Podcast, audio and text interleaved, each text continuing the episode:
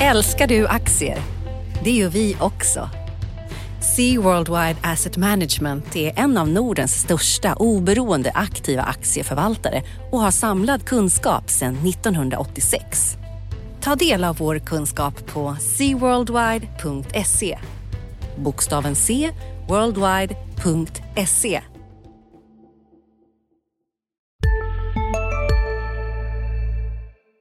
Analyspodden presenteras idag av Blackrock. Blackrock är en kapitalförvaltare med målet att hjälpa fler och fler att uppnå finansiellt välmående. Blackrocks kunder är alltifrån företag, banker och tradingplattformar till privatpersoner runt om i världen. Blackrock har ett brett utbud av produkter. Alltifrån traditionella fonder och iShares ETFer till alternativa investeringar. Gå in på blackrock.com för att läsa mer. Analyspodden från Dagens Industri. Hej och välkomna till Analyspodden. Eh, Bakom mikrofonerna idag står jag, Johan Wendel, reporter och analytiker på DI och med mig har jag Nils Åkesson, också analytiker på DI. Välkommen Nils! Tjena Johan! Och det är fredagen den 15 oktober och vi spelar in det här vid 10-tiden på förmiddagen så att ni vet ungefär vad vi vet. Och eh, vi ska också säga att det här är första gången vi kör Analyspodden med två pers live i studion. Så det är lite märkeshändelse, eller hur? Ja, ytterligare ett tecken på normaliseringen av ekonomin skulle jag säga. Eller vad säger du Johan? Ja men verkligen, verkligen. Eh, och vi ska ju återkomma lite till ekonomin i allmänhet eh, lite senare i sändningen här. Eh, men tänkte bara inleda med att bara dra lite allmänna börsläget här. När vi står och spelar in den här, börsen är ju upp då och då pratar jag om OMXSPI, alltså breda indexet på Stockholmsbörsen är upp ungefär 0,2-0,3 procent här på förmiddagen när vi står och spelar in det här. Det betyder att börsen har stigit nästan 3 procent på en vecka det har inte skakat till så mycket, eller hur Nils?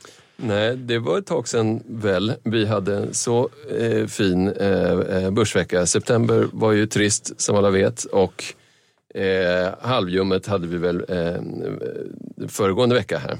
Ja, eh, så får vi se om det här fortsätter då, eller inte.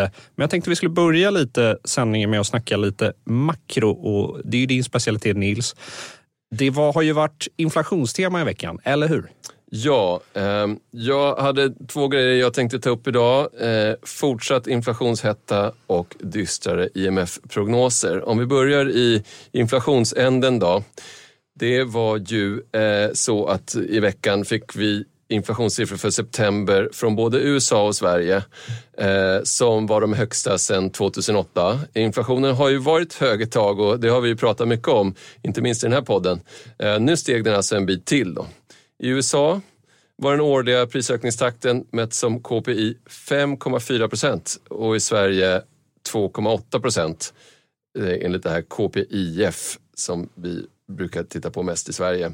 Eh, bägge var alltså över eh, en bra bit över 2 procent som ju är målet för centralbankerna och trycket fortsätter uppåt. Eh, vi kan ju också konstatera att Tysklands inflation passerade strax över 4 procent i september och det var första gången på 20 år. Eh, mer till och med. Eh, och det är inte över än. Svenska Riksbanken och andra analytiker räknar med att Sverige når över 3% inflation de kommande månaderna. Men efter det är det tänkt att toppen ska vara nådd. Då. Det är ju energipriser eh, som driver på det här. Eh, om man bröt ut det då i den här septemberstatistiken så kan vi se att eh, svenska el och drivmedelspriser i september då, de hade stigit 23-24 procent på ett år. Så där, där har vi det. Va? Inflationen fortsätter vara obekvämt hög då för centralbankerna och det här med att eh, den här uppgången är tillfällig och snart ska bedarra, ja det är osäkert kan man väl i alla fall konstatera. Ja, om vi, om vi tittar där, för det, det tror jag alla är nyfikna på. Eh, alltså vi har haft en period där nu efter finanskrisen med eh, konsekvent låg inflation under 2 målet vad, jag, jag, det verkar ju inte som att vi kommer komma tillbaka till någon liksom 70-talsvariant av inflationen med tvåsiffrig och så vidare. Men om vi tittar på den och tänker så här, vad talar för att vi ska få en högre, något högre inflation i alla fall på längre sikt jämfört med vad vi har sett efter finanskrisen? Finns det något som talar för liksom att något strukturellt har förändrats här? Mm.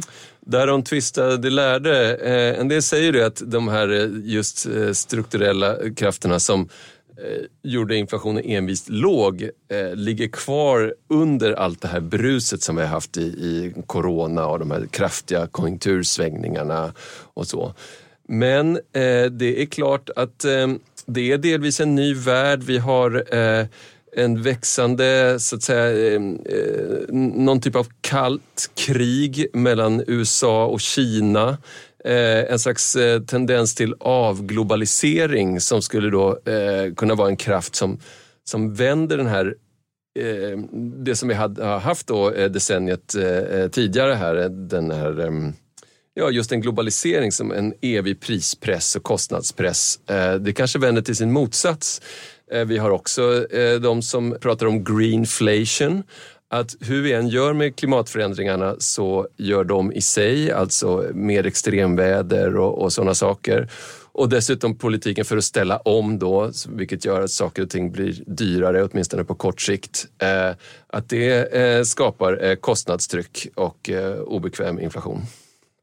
Så att vi får helt enkelt se, är slutsatsen. ja, ja det, det, är the jury is out. Eh, men i alla fall på, på den här korta sikten då så handlar det ju om, eh, Eh, för marknadens del, hur centralbankerna hanterar de här obekväma inflationssiffrorna. Eh, eh, när det gäller Riksbanken så kan de ju fortsatt peka på att inflationen rensat för energi fortfarande ligger på beskedliga 1,5 procent. Det är ju som sagt el och bränslepriserna som drar iväg och, och, de kommer i sig inte att stressa Riksbanken den, den närmaste tiden.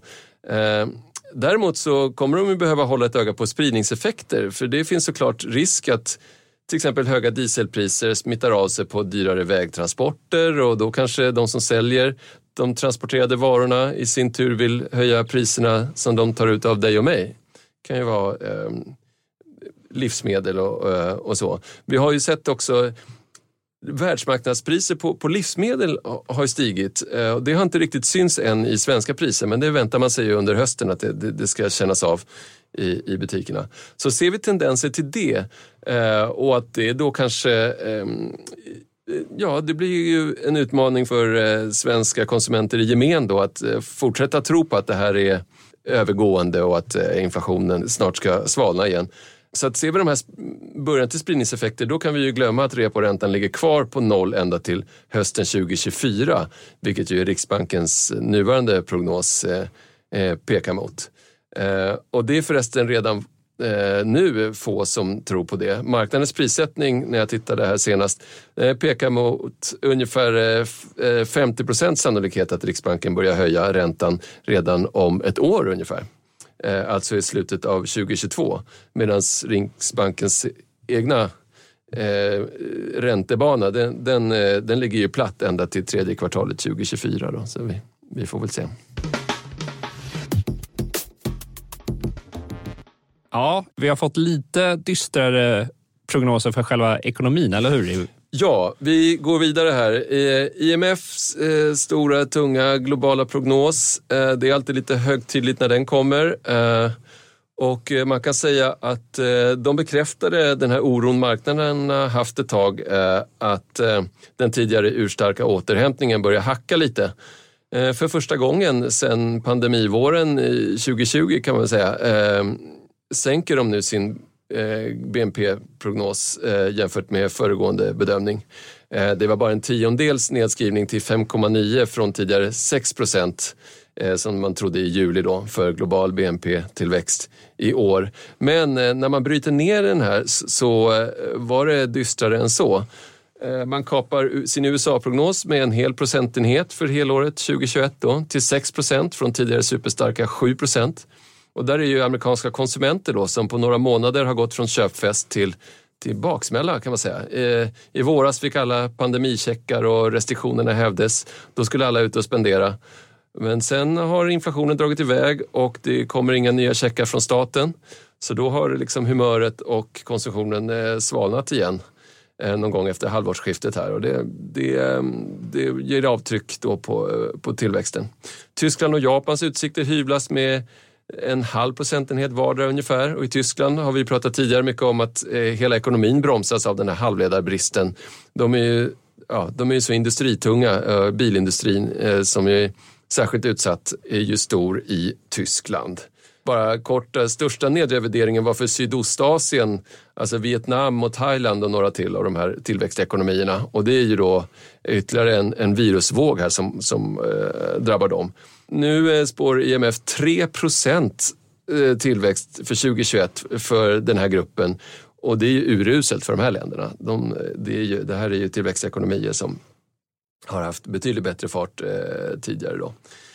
Ja, men det som ändå väger upp det är att eh, råvaruexportörer istället, där ljusnar utsikterna då. Saudiarabien, Sydafrika och Ryssland som exporterar liksom, eh, eh, olja och, och gruvmineraler och så. Eh, sen så revideras faktiskt Frankrike och Italien upp för i år också. Där har ju återöppningen av den inhemska ekonomin gått över all förväntan.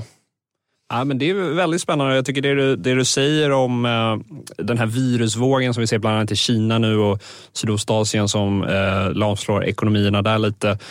Eh, det är ju ett tecken på att man liksom, eh, vi i väst har ju köpt väldigt mycket vaccindoser. Mm och har kanske eh, något, det som vi kan dela med oss av.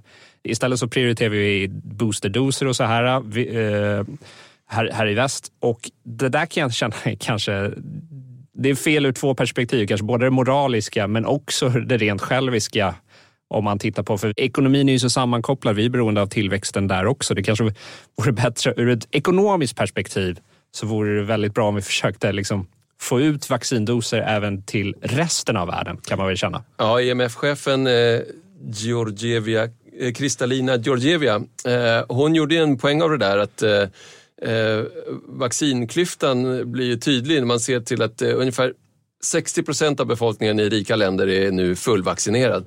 Men bara en av tre i hela världsbefolkningen och i de fattigaste länderna är det ju under 5 procent. Eh, och eh, ja, det här har WHO sagt länge då, men IMF eh, eh, betonade det här ännu mer då att så länge vaccintäckningen inte är global så kan ju nya mutationer slå tillbaka och kanske till och med besegra existerande vaccin. Och det kan utlösa nya smittvågor med bakslag för både hälsa och världsekonomin. Då. We're all in this together, så att säga. Analyspodden presenteras idag av Blackrock. I'm Manuela Sperandeo, and today I'm going to talk to you about why we believe sustainable indexing is not a one size fits all strategy. Sustainable investing can mean different things to different investors depending on their specific goals. For some, it means screening out businesses such as fossil fuel related activities or weapons. For others, sustainable investing, though, is also about driving specific aims to generate measurable positive change. Whatever your sustainability and financial goals are, it's important to pick the approach that is right for your portfolio. And this is where we believe indexing can help. Many sustainable indices are built from the same broad benchmarks investors follow today, but with additional degrees of screens and ESG insights built in. As a result, investors can use these indices to express what sustainability means to them without altering their asset allocation across geographies, sectors, and asset classes. Indexing also offered the transparency into really what is the investment approach, the criteria that matters the most to you, your clients, your stakeholders, and your investment board. We believe indexing puts you in control of your sustainable outcomes. Ska vi eh, gå vidare lite och snacka lite börsbolag då, tänkte jag? Ja, Johan, vad har hänt på din front i, på finansmarknaderna eh, denna vecka som du vill lyfta upp? Man kanske kan säga att det är lite lugnet före stormen. Vi har ju en rapportsäsong som drar in igång nästa vecka. Vi ska återkomma till den lite senare i sändningen, men om vi börjar lite vad som jag har noterat i alla fall i veckan är ju att eh, det ser ju inte ut att bli något budkrig om Sobi, då, specialistläkemedelsbolaget som fokuserar på sällsynta sjukdomar. Det kom ju ett bud där från eh, två, eh, ett, de har bildat ett konsortium som heter Agnafit Bidco. Eh, inte något charmigt namn kanske, men det är i alla fall Advent Med en värld i gungning blir det viktigare än någonsin med kunskap och diskussion. Att värna det fria ordet, för livet och demokratin. Så när du trodde att du visste allt, har vi alltid lite till. Privata affärer plus allt. All journalistik du behöver, samlad. Prova en månad gratis. Sista dagarna nu på vårens stora season sale. Passa på att göra sommarfint hemma, både inne och ute. Och fynda till fantastiska priser. Måndagen den 6 maj avslutar vi med Kvällsöppet i 21. Välkommen till Mio. Och GIC, två riskkapitalfirmor som vill köpa ut Sobi från börsen. Och eh, till en början så låg ju kursen ganska högt över budkursen. Alltså det, budet ligger på 235 kronor. Kursen var uppe på nästan 245 kronor där eh, tätt inpå. Sen har den ju trendat neråt kursen och nu när vi står och snackar här så står kursen i 234,8 kronor. Och det är en klar signal från marknaden att man, nu räknar man inte med något, eh, någon budstrid om det här. Och eh, acceptperioden i det här budet löper ju ut den 21 oktober. Så det mesta pekar ju nu på att eh, Sobi faktiskt eh, försvinner från Stockholmsbörsen. Mm. Styrelsen har ju rekommenderat det här budet och Investor, då, då, storägaren, eh, har ju eh, tackat ja.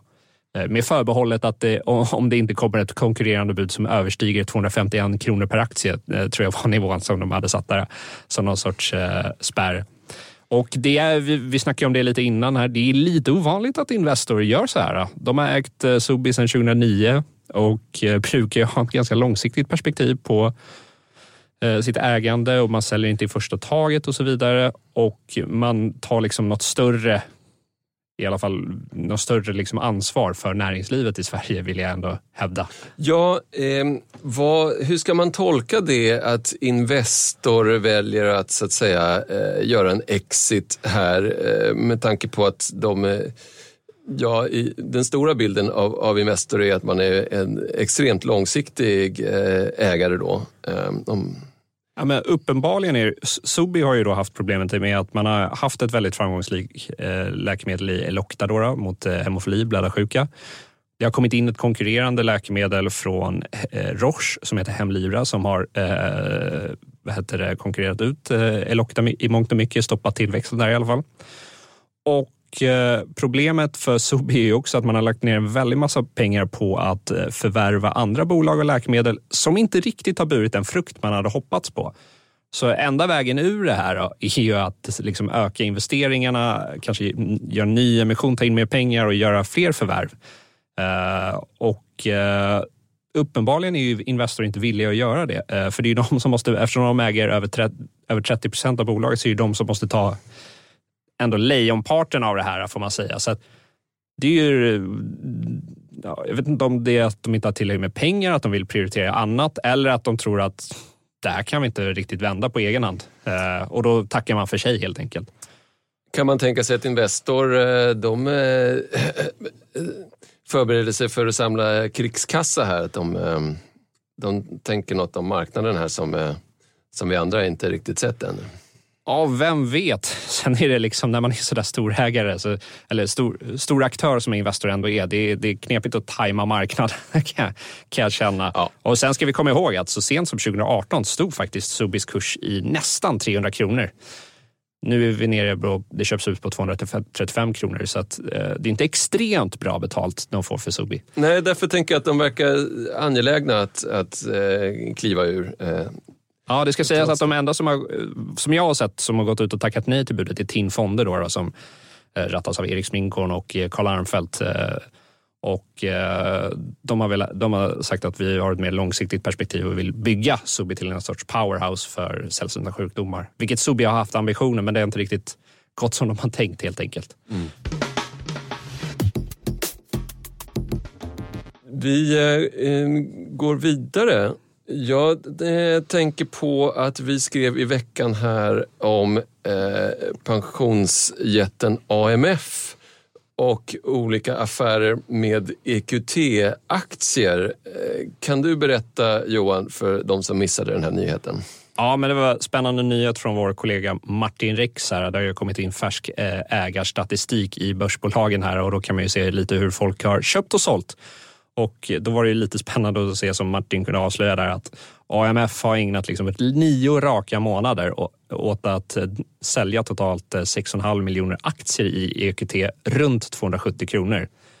Och sen när EQT gjorde den här stora försäljningen av eh, de som egentligen var under lockup-avtal då köpte pensionsjätten tillbaka 4,7 miljoner aktier för runt 370 eh, kronor. Det var alltså anställda och olika ledningspersoner i, i EQT som eh, fick sälja andelar som Precis, precis. Och då gjorde liksom AMF en helomvändning och köpte tillbaka aktierna, eh, inte alla aktier, men en, en stor del på 370 kronor, alltså en betydligt högre nivå än vad de hade sålt för och eh, har ju fått lite svar här av AMFs eh, presschef eh, som säger att vi har gjort bedömningen vad som är bäst för våra sparare och eh, sen har EQT liksom lanserat fonder i en snabbare takt än väntat och visat på en hög avkastning som fortsatt håller i sig. Och därför tyckte man att aktieposten på 370 kronor var ja, men ett bra pris. Och där får vi se vad framtiden eh, utvisar. Men det är det är ändå ett eh, noterbara händelser och en fint avslöjande av Martin Riks, vår kollega där. Ja. Eh, sen har väl den här veckan som du nämnde tidigare då varit lite grann av en, eh, en väntevecka inför eh, eh vad som eh, komma skall, det vill säga att rapportsäsongen drar igång. Eh, hur skulle du beskriva startfältet eller läget här när vi får eh, rapporter för tredje kvartalet med start nästa vecka. Ja, men det finns några teman man kan kika på och vi har ju varit inne på det. Eh, ett, ett sånt tema är ju liksom hur hanterar bolagen kostnadsökningar i liksom ekonomin? Inflation helt enkelt. Hur hanterar bolagen inflation? Kan man parera den och skicka vidare kostnadsökningarna till konsument? Om vi kollar på kycklingbolaget och Scandi Standard så kommer en vinstvarning här för lite sen så tyder det mycket på att de kanske inte har så bra förmåga att parera det där. Och där är ju, det säger ju någonting om, det där har ju vår kollega Rickard Bråse också skrivit mycket intressant om. Det, det är ju en väldigt bra signal om bolagets pricing power. Alltså, vad har man egentligen för förmåga att ta ut högre priser? Det säger ju något om produktens attraktivitet. Så när vi har nu eh, sett de här eh, som vi på makrosidan eh, eh, tjatat om länge då, eh, fraktpriserna stiger i vädret, råvarupriser, det är inte bara energi då, det är även metaller och sen har vi insatsvaror, halvledare, komponenter. Det är brist och det är kö och det är dyrare priser. Vilka bolag kan skicka vidare de här kostnadsökningarna till kund? Det är en bra fråga. That we shall see. Eh, kort och gott. Men om vi, om vi tittar på liksom, eh, till exempel komponentbristen så eh, det är ju någonting som kommer vara ett tema i många, många vd-ord, garanterat, framförallt i industribolagen då såklart. Men någonting som blir lite intressant att se är ju faktiskt hur liksom, uh, rörelsemarginalerna i de här bolagen utvecklar sig för helåret och i kvartalet. Då. För om man har brist på komponenter, halvledare och så vidare om jag är chef i alla fall och sitter och prioriterar vad ska vi tillverka med det vi har så prioriterar man ju de mest lönsamma produkterna, i alla fall i min bok.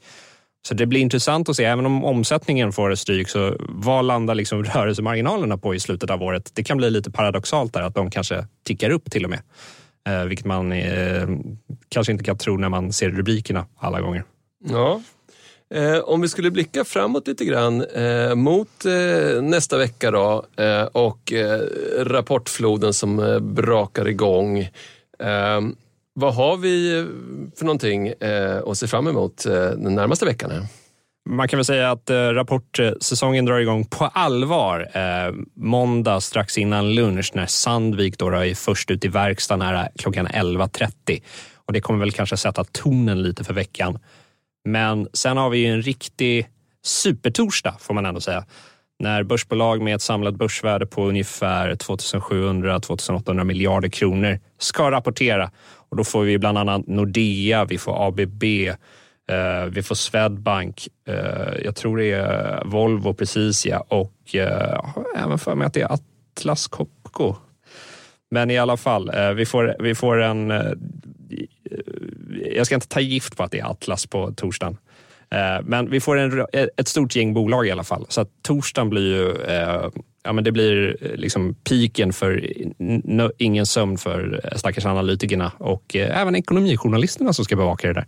Men om vi tar Sandvik här då, vad är, vad är viktigast att hålla koll på där? Ja, men det är väl eh, vad liksom eh, bolaget eh, säger om komponentbristen bland annat då, då och, hur det liksom ser ut framåt. Jag tror att de flesta att det är, att det är dåligt det här kvartalet tror jag många har impri, eh, liksom fattat. Frågan är vad säger de om hur länge det håller i sig och så vidare. Så det är väl bland annat det. Och sen så är det i Sandvik specifikt så kanske, jag vet inte om de kommer säga någonting om SMT kanske, den här avknoppningen som man har där.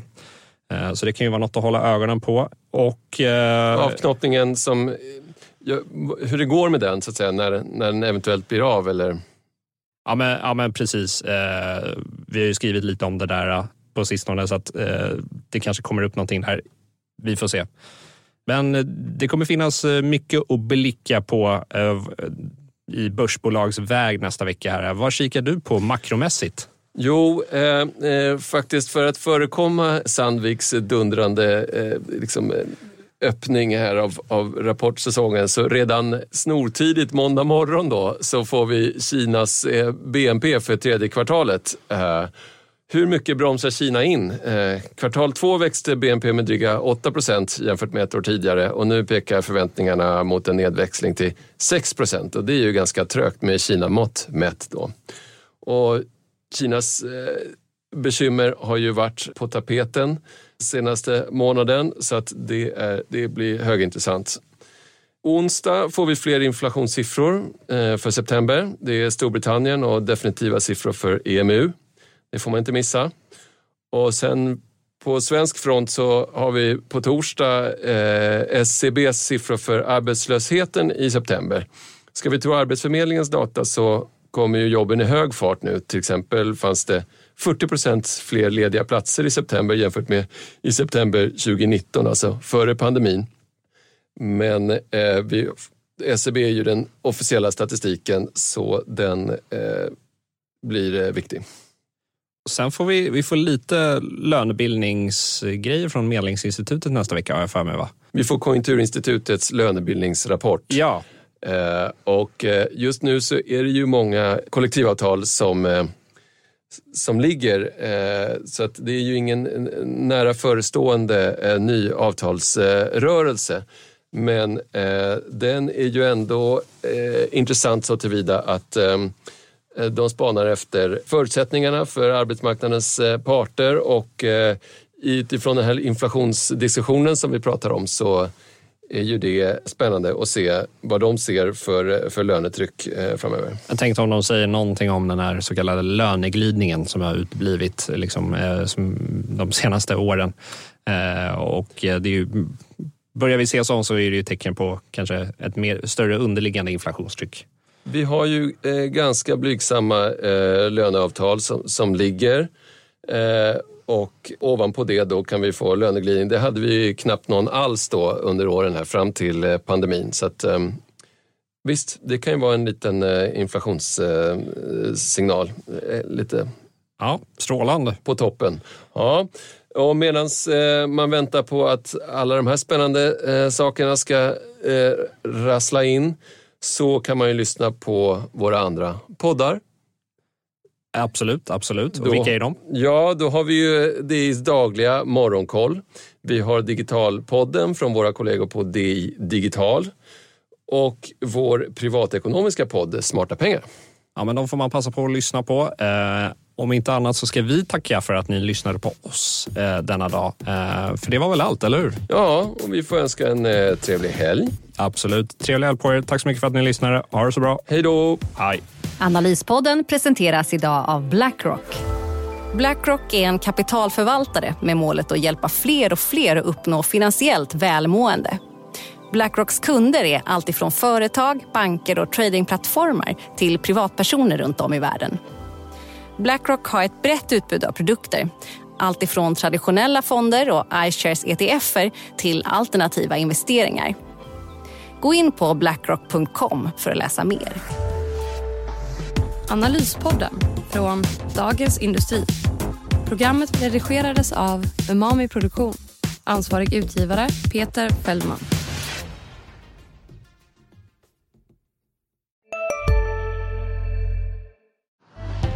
Älskar du aktier? Det gör vi också. Sea Worldwide Asset Management är en av Nordens största oberoende aktiva aktieförvaltare och har samlad kunskap sedan 1986. Ta del av vår kunskap på seaworldwide.se. Bokstaven C, worldwide.se